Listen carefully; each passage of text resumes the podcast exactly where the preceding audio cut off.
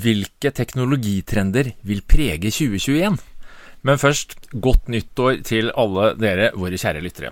Jeg heter fortsatt eh, Geir Amundsen og er teknologijournalist i Skipsted, og har jo heldigvis med meg Per Christian Bjørking også i år. Og vi sitter nå her koronafaste da, på hvert vårt eh, hjemmekontor, og det blir vi nok fortsatt noen måneder. Årets teknologitrender, her kunne vi preka og geeka i timevis. Så i forkant av sending så har vi gjort en knalltøff shortlisting. Og i dagens sending så har vi bestemt oss for å konsentrere oss om mobil, elbil og TV-er. Så for alle andre gode kandidater, ha oss unnskyldt. Før sendingen da, Per Christian, så sa du til meg at uh, mobiler begynner å bli kjedelig, begynner å bli litt lei. Og jeg tenkte, Det er jo snart 15 år siden vi fikk iPhone og smarttelefonene for alvor rullet inn. Så denne S-kurven, altså innovasjonskurven, er jo i ferd med å flate litt ut. og ja, brettbare. Elge viste fram en rullbar eh, mobil nå igjen på CES. Er det det vi skal gjøre på tampen av mobilen? Er det noe spennende på gang? Hvordan vil mobilåret se ut? Ja, jeg jeg har jo sett og sett på noe, den presentasjonen som Når vi spiller inn dette her, så er det jo like før Samsung skal presentere eh, årets eh, nye modeller. Og det er jo et veldig stort og, og viktig merke som har ligget langt framme i mange år. Og det er jo veldig lite å, å snakke om, rett og slett. Huseskritt. Eh, ja. Um, så uh, det som trekker på oppmerksomheten, er jo den herre uh, LG sin Rollable, som nå er lansert uh, på den her CS-messa. da. Og det er jo uh, Man får jo litt sånn, i hvert fall uh, Man blir jo litt engasjert i å forsøke å tenke, i hvert fall. De, de sier jo at det her altså vi må, vi må, fortelle hva det er. da. Det er jo en, en i motsetning til en foldbar telefon, så er det jo en telefon som rett og slett bare ser ut som den utvider seg på nesten sånn magisk vis. Og det som skjer, da er at han, den ruller ut skjermen, og så blir den eh, omtrent dobbelt så stor. Og så er spørsmålet ok, kanskje det er sånn det skal være. Og så da, da tenker jeg jeg tror jeg har Det er i likhet med de aller, aller fleste som ser den videoen, tenker aldri i verden om det der kommer til å funke. Hva om den går i bakken? Uh, ja. Nå har vel TCL også vist fram en tilsvarende konsept, men uh, det, ja. Magi, ja, men uh, Ja, men det er sikkert ti år siden de har liksom begynt med sånne skjermer som kan rulles. Så man kan jo tenke seg at uh, det for så vidt er modent nok, men jeg skjønner ikke helt Det er jo ganske lett å tenke deg noe som skal rulle sammen, og når du skal rulle det ut, så blir det utrolig skjørt. Så hvordan det der skal løses, det er jeg veldig interessert i. Og så syns jeg også at jeg har jo prøvd litt uh, disse her foldbare som har vært da. Det viktigste er vel egentlig, syns jeg, da, den beste ideen er jo den herre eh, Samsung eh, Galaxy Flip, som på en måte eh, er som en tradisjonell foldetelefon. Så at det blir bare en veldig lang skjerm. Det er egentlig mye mer hensiktsmessig enn de som blir til et digert kvadrat, sånn som den Samsung Fold og, og, og, og Huawei sin også. Jeg syns det, det, funker mye bedre, men når jeg, når jeg, altså jeg brukte jo den en stund. Den kom i fjor, og Ganske tykk, er det ikke? Si, den er litt som, den er ganske tykk. Det er den store ulempen du får. Uh, sånn at du kjenner jo den egentlig bedre i lomma enn du kjenner uh, en vanlig, vanlig iPhone, f.eks. Og da blir jo mye av poenget Poenget var jo at den skulle være mindre. Og så er det det, altså det, det fungerer, må si det fungerer overraskende bra. Altså du, når, du, når, du, bruker den, så tenker du ikke over at det er en brett der. Du ser ikke den bretten. Det ser du bare i spesiell belysning og sånt. Så jeg, jeg, likte den jo veldig godt, men jeg merka jo at jeg hadde ikke noen problemer til å gå tilbake til andre mer sånn ordinære telefoner. Uh, og, og, og, liksom Ok, hvor viktig er det å ha en kjempelang skjerm, egentlig? Uh, nei, um, ikke helt overbevist. Så nye formfaktorer det kan på en måte ikke redde din begeistring for, for, smartmobilene. Det er ikke nok. Nei, det er ikke det. Vi må liksom Sannheten er at enhver av disse nye smartmobilene, enten det er fra Apple eller Samsung, eller hvem det er, knallbra, velfungerende, moden teknologi som uh, gjør det den skal, og det er langt imellom nye ting. ikke sant? Og Du ser det nå igjen. ok, Litt bedre kamera. Uh, noen fine funksjoner, uh, sånn som Samsung har nå lansert sånn en Uh, som vi vil kanskje være litt morsomt å teste. Da. En sånn zoom-funksjon som gjør at du på en måte du, du, du fikserer det du skal zoome på. For når du har sånn 100 ganger zoom, ikke sant? sånn som det faktisk er, det er jo, det er jo, da digital zoom vi snakker om her, men med høy oppløsning så kan det ha en viss funksjon. ikke sant? Uh, om ikke til 100, da, men så i hvert fall til 50. Nei, så blir det, det Nei, men Det blir i hvert fall helt umulig å styre hvor du hvor, For du er så ustødig på hånda, ikke sant? Så når du skal se da 150 meter bort og, og ta bilder der, så er det veldig vanskelig. Men da har de laga en sånn AI-funksjon, sånn at hvis du bare peker på hvor du skal fokusere, så holder den seg der bedre. Uh, angivelig, da. En smart uh, gimbal så, på en måte? Ja. ja jeg, syns, jeg syns det var en kul uh, ny idé, da. Og viser jo bare hvordan egentlig disse her smarttelefonene Det er jo overlegne. det på mange måter det som finnes av større og dedikerte kameraer, vil jeg si. Men, ehm, men ikke sant? de fleste kameraene på mobil er jo på en ny mobil da, er allerede så bra at ja, ikke, du kjøper ikke en ny pga. det. Nei, jeg er enig.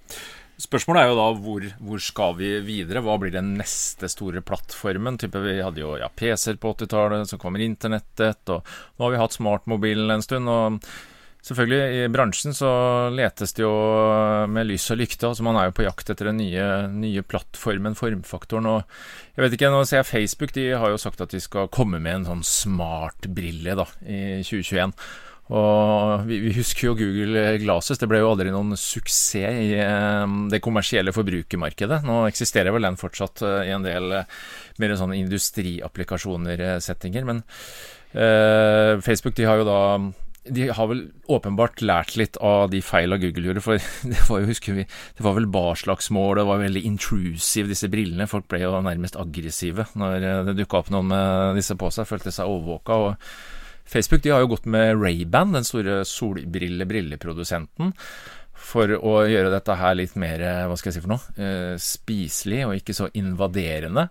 Nå sier jo han uh, Andrew Busworth, heter, som er uh, sjefen for uh, Facebooks hardware-utvikleravdeling, som jeg leste nå, de har 6000 ansatte. Birkestrand. Her er det ja, Det er ganske heftig, og, og, det stemmer vel egentlig ganske godt overens. Vi vet jo Mark Zuckerberg, Facebook-sjefen sjøl, han har jo alltid, i hvert fall har fått inntrykk av, han er veldig sånn positiv og, og gira på AR og VR, så at de gir gass nå. Men samtidig da sier jeg at ok, den første brilla som kommer i år, den, den vil ikke ha noe AR-funksjonalitet. Altså i betydningen å legge på et sånt digitalt, virtuelt lag oppå virkeligheten. Så um, de, de, sier at de vil liksom ikke gjøre for mye ut av det. Det virker som en sånn slags soft launch, men det er klart at det, det er kanskje det som skal til, da.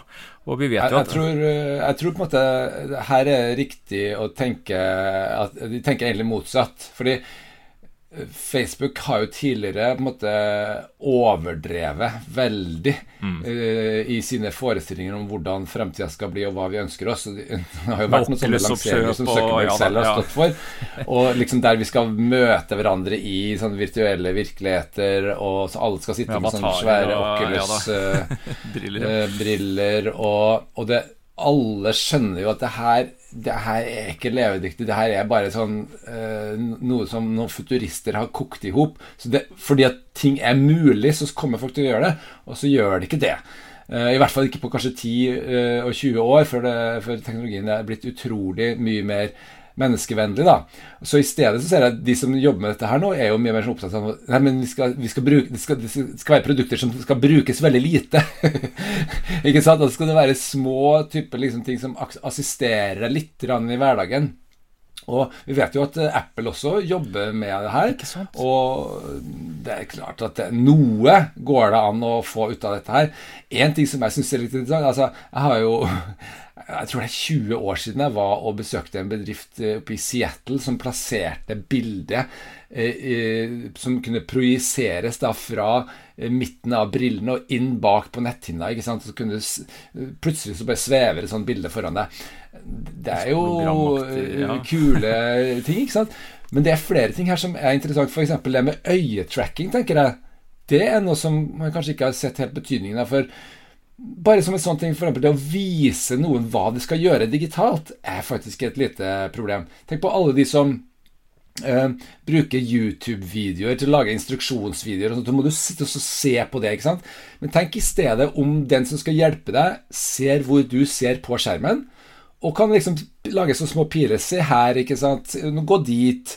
Eh, hvor mye supportproblemer finnes det ikke pga. at vi ikke vet at skjermen er stor, det er masse ting uoversiktlig.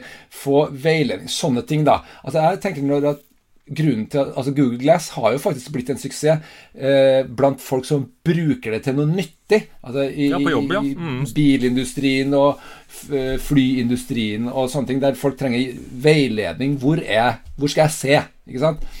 Og uh, det kan det godt hende at det finnes noe behov for blant uh, vanlige dødelige også.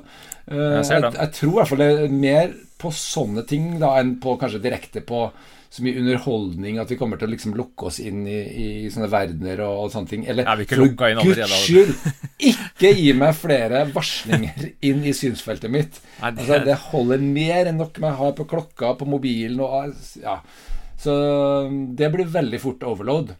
Altså Du tror det du sier nå, er at du, uh, Google Glass, at vi har briller som uh, vi bruker type i en jobboppgavesammenheng, eh, kan funke Ja, når det, er, når, det er, det, det, når det, er, et verktøy du trenger, så tror jeg at det kan det er lett å se for seg da, at her kan man bli litt mer effektiv, litt mindre frustrert. og ved, ved, å bruke, ved å vite hvor du ser. Og Så kan du i tillegg bruke det til å, å vise deg noe. Da. Så kombinasjonen av det der kan hende at det kan uh, ha livets rett. Men jeg vet virkelig ikke hva Jeg er veldig interessert i hva det er Apple ser så veldig stort behov for her. Fordi de ser jo ikke etter den typen uh, uh, bruk for noen få, ikke sant? De, de, det, er, det er en massemarked vi snakker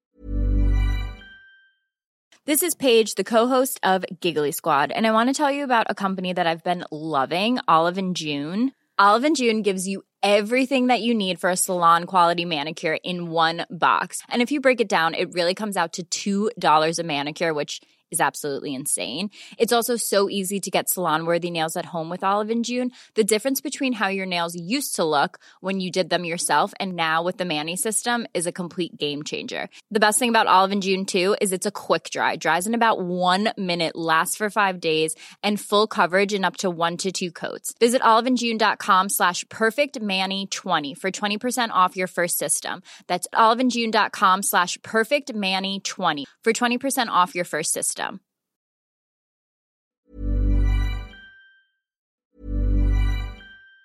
Say hello to a new era of mental health care.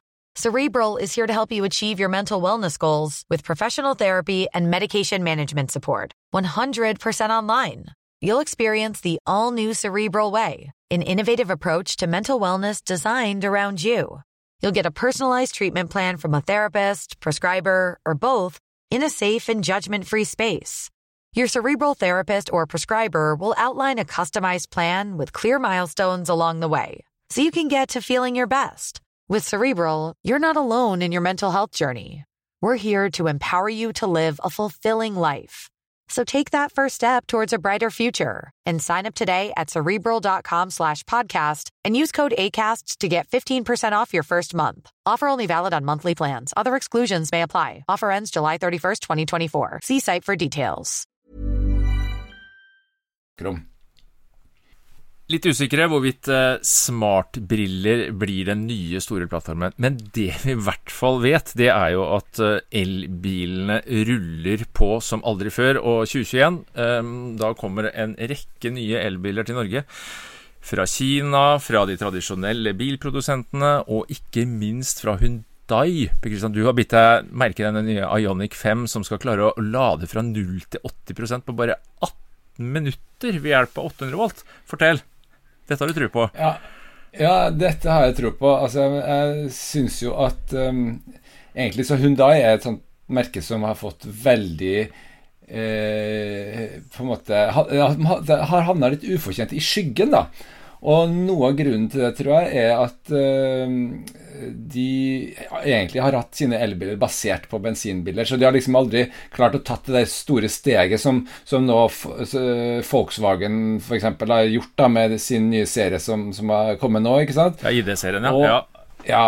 Og um, Men de har holdt på lenge, da? Og selvfølgelig Ja, men det de har som eh, ikke så mange kanskje er klar over, er at de, har, de er gode på effektivitet.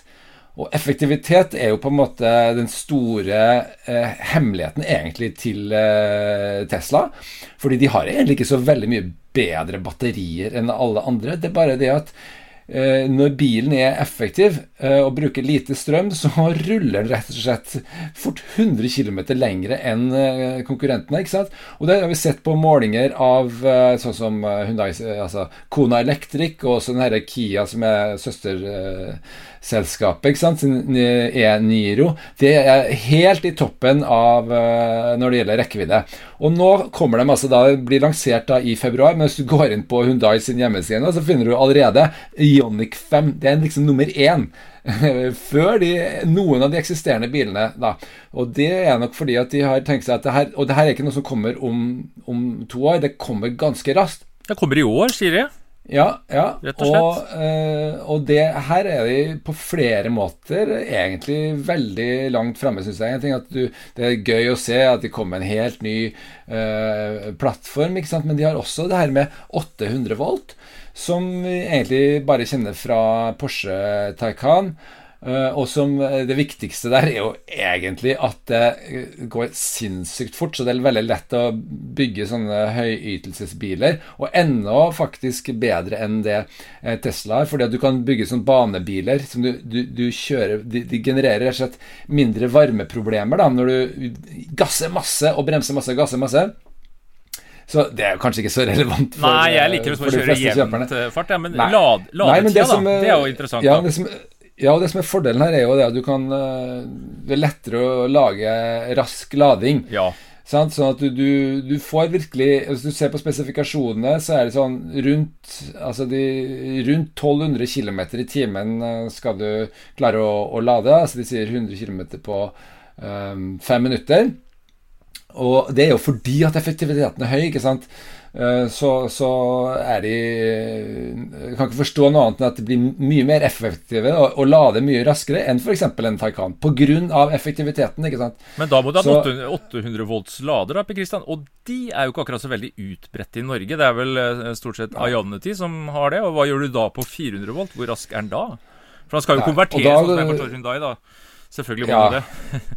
Ja, og vi, eh, vi, vet jo ikke om, om, det da blir mye tap når du bruker på en vanlig 400 volt-lader, men jeg, jeg syns jo det er i hvert fall eh, Det er jo, det jo fremtidsretta. Altså det du peker på her, er jo egentlig det som er problemet til alle andre enn Tesla, er jo, er jo at ladenettverket er for svakt uh, når det er høy belastning og mange folk skal ut på tur samtidig. Det, det har vi vært innom mange ganger, og dessverre, det, det er ingen endring på det.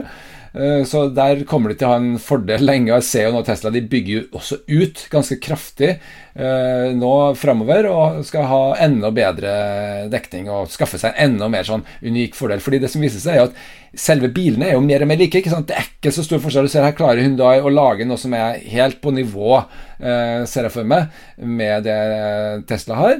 Og, og da gjenstår det færre og færre fordeler, men en av dem er jo dette her nettverket, da. Ja, altså det er klart Elon Musk uh, var kanskje hans største genistrek å tenke høna og egget samtidig da han uh, eh, kasta seg inn i sin elbilvisjon. Men du sier at uh, mer og mer er like Jeg tenkte på det var mer og mer like. Denne Hundaien Jeg syns den ser veldig futuristisk ut. Jeg fikk litt sånn Cybertruck-nesten-feeling. De, den er jo basert ja. på denne prototypen 45, og den norske importøren har lagt ut noen bilder av den. Og nå har vi jo kommet noen nye bilder som viser at han blir jo eh, litt mer, eller litt mindre futuristisk. Og det er jo for så vidt vanlig at en, en eh, produksjonsmodell ikke ser så space out som en prototyp. Men eh, SUV eh, er det vel? Eh, familie, ja, altså, god plass, påstår det. Men futuristisk, det er jo supert. Altså, vi, du, Dette er jo Teknologimagasinet. Ja, men jeg har vært ute og kjørt Ford Mac-E, jeg nå, vet du. Og nå har jeg Ja, fått bygga på litt sånn muskelbil, muskelbilpanser og en bil Ja, som men det er jo ser litt Det retro ut. der syns jeg er Nei, synes jeg er eh, Altså, Grunnen til at Hundai har kommet såpass i skyggen, en av de grunnene er jo at det er Når du setter deg inn, så føles det som en god, gammel bil. Ikke sant? Som tradisjonell bil, i motsetning til hvis du setter deg inn i en uh, type ID3 da, eller en, en Tesla, ikke sant? Eller noe sånt, så føler jeg, Oi, sånn skal det selvfølgelig være. Dette er jo fremtiden, ikke sant? Og så, men fortell nå, du har jo kjørt Mack E, det er jo kjempespennende, da. Hva er førsteinntrykket der? Vet du hva, jeg tror at eh, Ford har truffet uh, blink, og ikke minst har de truffet veldig bredt. Du er inne på det her med hvordan det ser ut når du setter deg inn i en bil, og jeg hadde med faren min en tur, og han er 75 år, og han likte jo veldig godt at det er så mye knapper. Og så er det vare, vindusheisbetjening og langt mindre minimalistisk enn det er i en eh, Tesla, eller en ID eh, for så vidt. Og eh, de har liksom funnet en sånn Den skiller seg litt ut. Den gir litt sånn retro-feeling. Du satt jo så vidt innom litt sånn muskelpanser, litt amerikanske seter. Ikke så mye sidestøtte, litt sånn flate, myke. Eh, godt ratt. Eh, litt sånn BMW-aktig nesten. Tykt og godt å holde i. Og, og god plass. Eh, det står 411 liter bagasje på papiret, pluss 100 i flunken, men i praksis så fikk jeg inn eh, ganske mye når jeg tok en tur på fjellet. Så altså, eh, ja. På tommel opp, så jeg tror det får litt annen De går en litt annen retning. Og så er det selvfølgelig Mustang-entusiaster av og til, Per Kristian, som sikkert kommer til å lure på hva i all verden er dette her for noe. Ja, jeg synes jo det. Jeg kjørte med- kanskje i fikk jeg kanskje en ti minutters kjøretur eller noe sånt. Det var veldig, veldig eh, overfladisk. Men jeg syns jo det var veldig artig og, og Altså, de ga et veldig godt inntrykk generelt. Det, tight her og tror jeg det, ja. Eh, Men også veldig veldig merkelig det her med et sånn gigantisk panser, og til og med en sånn motorlyd. Ja, og Som, den eh, er faktisk liksom- morsom. Jeg, jeg trodde jeg syntes han skulle være harry, men eh, den hadde jeg på he nesten hele tiden. Utemmet ja. velger du da, også for å litt sånn uh, i høyttalerne. Altså selvfølgelig et veldig bra BO-anlegg òg, forresten, som følger med den teknikkpakka. Uh, litt harry, men jeg, jeg likte det. Jeg likte det. ja, ja, ja. Men du, skulle, du fikk også prøvd litt lading, nevnte du her. Eh, apropos det med sånne Ionity høykapasitetsladere, så hva, hvordan gikk det? Nei, det var vel et heller dårlig førstemøte med mitt med Ionity. Jeg skulle lade på Ionity Øyer eh, på vei hjem. Eh, og da var det plugga inn, altså en passe varm batteri, og da var det vel nede på en ca. 20% Burde egentlig liksom være relativt greit for å få litt fart, men eh, da lå den på 25 og så banka det på, var en Audi E-tron-eier der som lurte på hva jeg hadde, eh, for han hadde også bare 25. Og så fant vi vel ut at her handla det ikke nødvendigvis om eh, bilene, men om at eh, ladestasjonen var litt nede. Jeg ringte Janti, jeg fikk ikke, han eh, kunne ikke se noen feilmeldinger og sånn, men i løpet av noen minutter så, så begynte den plutselig å krabbe oppover, eller etter en halvtime, jeg sto der lenge faktisk, for jeg hadde så lite strøm. Og da føk den opp, og da hadde jeg vel 90 par og 90 var vel toppnoteringa. Så mm, Ja, Det begynner å bli akseptabelt, men det er jo ikke akkurat det, det vi forventer nå fra Nå vil vi se i hvert fall 150 og Ja. en sånn type kvarters eh, stopp og så videre, ikke sant? Når du kjøper en bil som skal klare opp til 150, så bør du se det i hvert fall når du ligger og kusker mellom type 20 og 80 spenner på batteriet. da.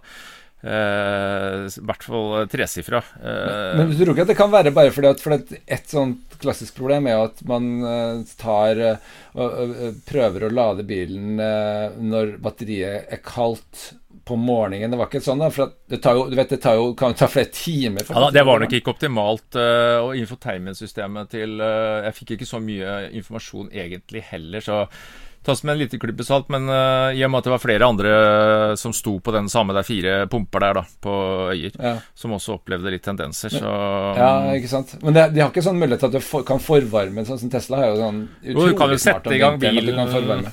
Jeg sto og lada litt opp på hytta, så jeg var nok ikke noe Jeg var nok en var var ikke optimalt, det, det var ikke. Og jeg gikk jo også på en liten uh, rekkeviddeangst i betydningen uh, Jeg fikk plutselig beskjed om at du rekker ikke den nærmeste hurtigladeren. Og da var vi helt sikre på på Lillehammer, det skulle vi rekke. Vi kom oss ikke til hytta, det skjønte vi. Og så fikk jeg varsel opp av med klima og Men da tok vi en sjanse. At vi, vi, klarer den på Lillehammer. Vi bør ikke ringe på hos en, en kar opp langs Lågen der. Men da var det litt hektiske i kupeen der, altså. To gutter som skulle opp og stå slalåm, som lurte på hva gjør vi nå, pappa. Så han sa faktisk det, han eldstemann som var litt sånn kartleser og ordna og styra på infotainment, han sa pappa, jeg er egentlig ganske glad vi fortsatt har, har diesel, så slipper vi det stresset her.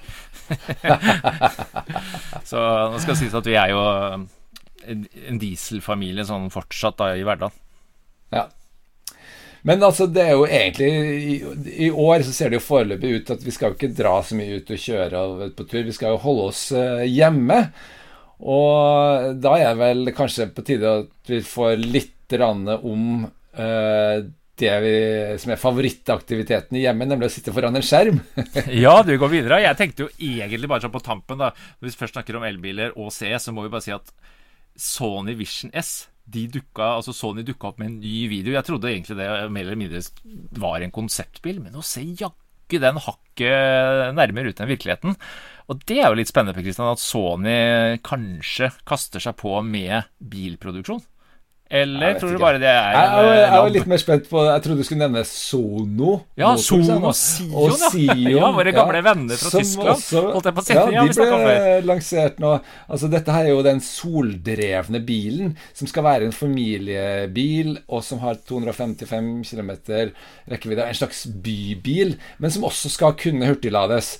Uh, jeg syns den virker kjempefin, og ikke minst fordi at prisen er jo da halvparten av det alle andre uh, biler på den størrelsen er. Uh, det, gjør det ved å ha et batteri, men bare tenk på alle de som Altså, det, det, det, gjør det ved å ha et et mye mindre batteri, hva jeg skulle si. Eh, men, men, tenk på alle de som f.eks. Eh, skal parkere i byen og ikke har lading hjemme og sånn. Så, så, tar sola seg av og holder oppe den daglige ladinga, så lader du litt da, på, på, langtur. Litt mer enn eh, en på disse andre bilene, men jeg syns jeg ja, liker den veldig, her ganske godt. Vi likte den godt sist òg, husker jeg, og det er jo 248 mm. solceller. Genererer 1200 watt. Og ja, vi hadde vel egentlig trodd at det her ikke blir noe av, men nå ser det faktisk ut som de har klart å overleve. Det er jo et sånt startup-prosjekt. Så ja, hvem vet, kanskje de skal begynne å produsere nå neste år. Og det er litt gøy å se at de, de er i live, da. Ja, og Nio, da. Disse eh, kineserne som har vært i Norge og vist fram en SUV for to år siden, de lanserte jo nå en ET7, en stor sedan, med disse utskiftbare batteriene. Og er utskiftbare batterier er det en løsning på, på, på rekkevidde? 150 kW har jo de på sitt største batteri. 1000 ja. km og utskiftbart, eller er det Nei, nei, nei. nei. Dette har vært Det har mange fabler om i mange år ja. uten at det har blitt noe av. Bare tenk på betydningen For min del så tenker jeg bare skal du overta altså, Da må du ha da at du ikke eier batteriet, da, så liksom leaser noen andres batteri, da. Ja, Du eier ikke batteriet, altså, du, du, leier det, type, sånn ja, skjønt poenget? Da. Ja, det må, det, det må, jo være det, sånn at ikke du har ansvaret. Du kan si det, ja, ok, det er jo fint, det. Det er jo en bekymring at du skal liksom hele tida tenke på batterihelsen og sånn, så kanskje, men eh, altså I praksis så er Så lenge det finnes ladere, det er bare det. Så lenge det finnes ladere der, det så, så, så, så, går det. Ikke sant? Så er det det som er spørsmålet, og kanskje blir mer og mer spørsmålet framover nå knytta til det at hvem eh, til ladenettverket, og ikke til hva som sitter inne i bilen, fordi at bilen er stort sett grei nok. Kapasiteten på ladenettverket, det må opp det må følge antallet biler, nye elbiler på veien. Jo, du nevnte hjemme, Kristian, før jeg ble helt gira på elbil igjen.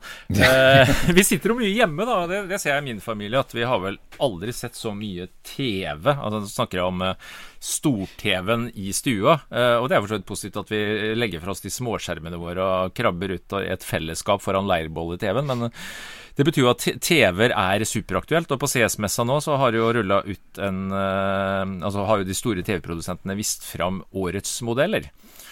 Uh, og der var det mye snacks, skal du vite. Ja, da, da må du, som er TV-eksperten vår her, fortelle litt hva Altså, jeg merka meg spesielt at det er mye snakk om dette med miniledd og mikroledd.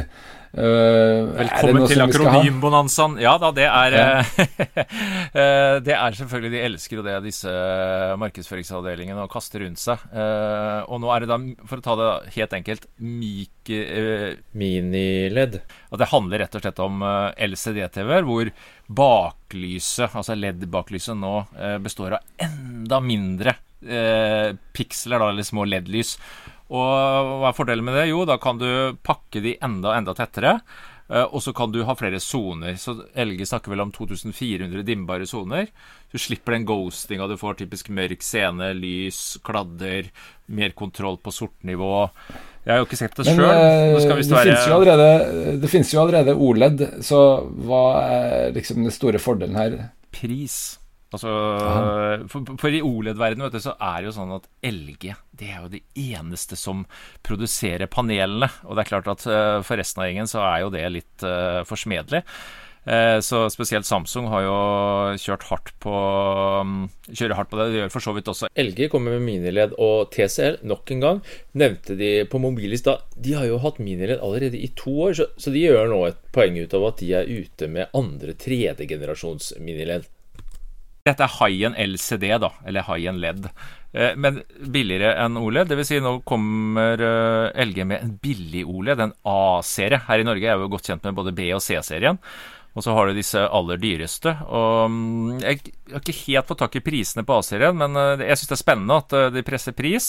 Nye skjermstørrelser. Nå får du både større og mindre, og ikke minst så har de klart å lage et OLED-panel som er enda mer lyssterkt. Altså det vil si, en av akilles ja, ikke akilles, det er for drøyt. Eh, men sammenligna med en god LCD LED-skjerm, så har jo lysutbyttet vært litt lavere.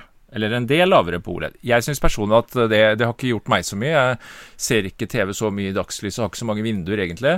Men nå har de klart å tyne 20% mer lys ut av OLED-panelene. Og det er egentlig liksom første gang de har fått tatt et sånn skikkelig step uh, de siste åra. Men dessverre, for oss med normale lommebøker, så er uh, disse Eh, OLED EVO-panelene, som Helge kaller det, er forbeholdt uh, toppmodellene. Men det kommer nok garantert til å dukke opp i rimeligere modellserier etter hvert. Og så er det mm. micro-led, da. Uh, det er jo da noe helt, helt annet. Det er rett og slett Det er jo det som blir OLED-konkurrenten framover. For da, da, snakker vi om cellelysene, altså du ser rett på, rett på pikselet.